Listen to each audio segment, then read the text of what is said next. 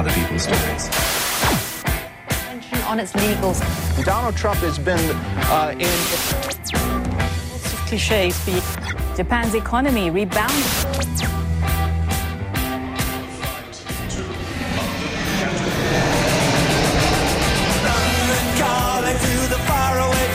John Carlin, bon dia i bona hora.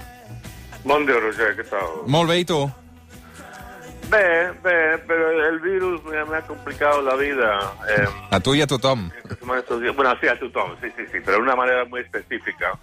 Que mm, una amiga em, que conozco hace mucho tiempo murió de, de cáncer hace unos días y su marido es un gran amigo mío y conozco a los hijos y todo, y querían, tenían muchas ganas ellos y yo también de ir al funeral en Inglaterra, en Winchester, y me he pasado la semana dándole vueltas a cómo podría ir. Eh, claro, está el tema de la cuarentena en Inglaterra. Confieso, confieso que estaba pensando ver cómo quizá podría hacer una trampa y volver después de tres o cuatro días. Y bueno, al final eh, hice una- un balance de todos los riesgos para mí y para otras personas, que además yo vengo del país más infectado de Europa, que es aquí en España, y va a haber gente mayor, va a haber una señora de 80 años en el funeral.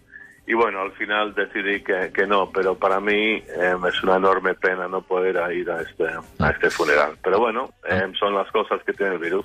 Em sembla molt prudent, eh, John, perquè, clar, a més a més, al, al Regne Unit eh, hi ha aquesta obligatorietat de fer 14 dies tancat a casa, sobretot per responsabilitat, eh, perquè també tenia eh, companys que, que hi estan vivint i m'explicaven això, que, que t'has de tancar 14 dies a casa eh, i que de tant en tant eh, reps alguna trucada d'alguna autoritat o alguna visita Sí. que representa que vigilen que compleixis aquesta quarantena, però Sí. bàsicament aquesta quarantena es compleix de manera responsable cadascú, perquè és molt difícil vigilar um, que tothom que entra al país es queda 14 dies tancat a casa. No, exacto, Roger, sí. Pero eh, yo hablé, por ejemplo, lo que fue definitivo para mí, me, me dije que ya iba, iba- no, no iba a intentarlo. Hablé con una amiga que acababa de volver de Croacia, eh, vacaciones, cuarentena, 14 días, y me dijo que el día después de llegar ya le llamaron de, no sé si fue la policía o de alguien, para decir, básicamente de forma muy cortés, eh, hija mía, te estamos vigilando, cuid, mucho cuidadito, y también he oído de me, me conté de una familia que, que, sal- que tenía que estar en cuarentena en casa, salió como un restaurante y le pusieron una multa de 4.000 libras, o sea, como 5.000 euros. Em, pero em, sí, pero ahora también hay un poco hay creciente pánico en Inglaterra porque están empezando a tener cifras de infectados parecidas a las de aquí en, en España y se están poniendo más, más duros ahí también. John, um, fi fixem-nos un moment amb el que està passant a Suècia, perquè crec que tu hi has posat molt la mirada aquests dies, um, i, i, i t'estaves fixant també amb el que deien les autoritats, i em va fer molta gràcia una frase d'un dels metges de referència a Suècia, que diu que la resta del món um, està lluitant contra la pandèmia com si matéssim mosquits a canonades. Um, com està Sí. gestionant la pandèmia a Suècia?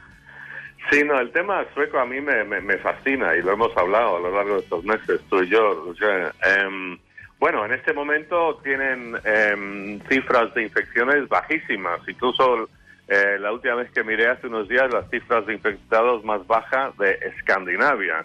Eh, ni hablar comparado con un país como, como España. Y claro, el tema de Suecia, cuando se acabe todo esto, y como dije en mi artículo en La Vanguardia el domingo pasado, estamos a, a mitad de temporada o quizá ni siquiera. So- veremos quién, quién ha ganado cuando se acabe la liga, ¿no? Cuando se acabe el virus, veremos quién lo ha hecho bien, quién lo ha hecho mal. Pero por ahora, el tema del experimento sueco de, de no confinar como confinamos aquí, de mantener los colegios abiertos, trabajo, la gente iba a trabajar, las tiendas abiertas. Bueno, eh, la lógica sería que si, nosotros lo hemos hecho bien en España es que ahí sería una catástrofe. Pues eh, por ahora no, eh, y, y lo- los números infectados están muy bajos. Una cosa muy interesante, por cierto, que uno de los médicos que lidera el- el- la respuesta sueca al virus dijo hace como tres semanas que esto de llevar las mascaretas en, en- en la calle, en espacios públicos, daba una falsa sensación de seguridad. Y no lo entendí inmediatamente, pero creo que ahora sí lo entiendo. Aquí en España somos el país de- del el fetichismo por la mascareta. Es donde más lo usamos, la, somos la gente más enmascarada de Europa y los más infectados a la vez. Y quizá eh, esta idea de la falsa sensación de seguridad sea interesante.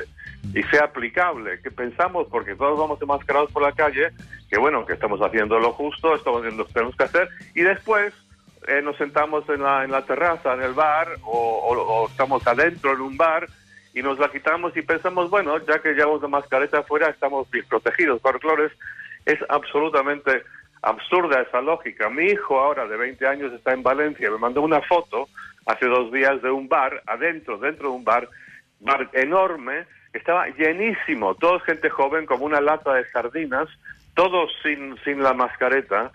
Y claro, y salen a la calle y todos se pondrán la mascareta. Em, hay algo que estamos haciendo muy mal aquí en, en España, creo, Roger. Això de la mascareta eh, lliga també amb, amb el principi de, de la pandèmia. Eh, tant les autoritats com eh, molta gent ens posàvem guants, no? Eh, no només Sí. per anar a comprar fruita, sinó que portàvem guants i mascareta. I, I sobretot les autoritats i els metges el que deien és que els guants donaven aquesta eh, falsa eh, sensació de, de, de seguretat eh, i que precisament eh, és molt més recomanable, en aquest cas, eh, doncs rentar-te les mans sovint que no portar guants. Sí, no, mira, y acabo de mencionar lo de Valencia, una, una foto escalofriante que mandó mi hijo, porque yo, yo, yo soy muy escéptico con muchas cosas so- sobre cómo se ha, tratado esto, pero entiendo que estar, no sé, 200 personas en un, en, un bar, todos apretados, es una locura. Pero por otro lado pienso, entiendo a- a- a la juventud, que parece que son los, los, los grandes contagiados ahora y los que van a contagiar a otros. Entiendo, son la gente sacrificada en todo este, este proceso viral. Son la gente menos vulnerable, una persona de la edad de mi hijo de 20 años tiene más posibilidad de morir en un accidente de tráfico que del virus.